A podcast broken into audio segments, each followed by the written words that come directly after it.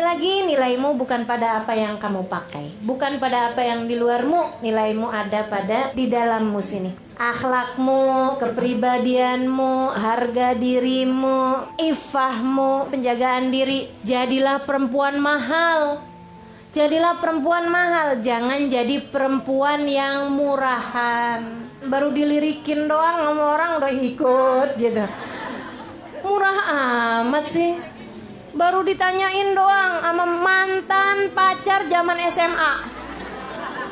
Apa kabar? Uh, udah berantakan hatinya. Nyesel nih kawin sama yang ini. Ya Allah. Buat yang mahal, jadikan dirimu perempuan-perempuan yang mahal. Murah hati boleh, tapi jangan murahan. Insya, insya Allah.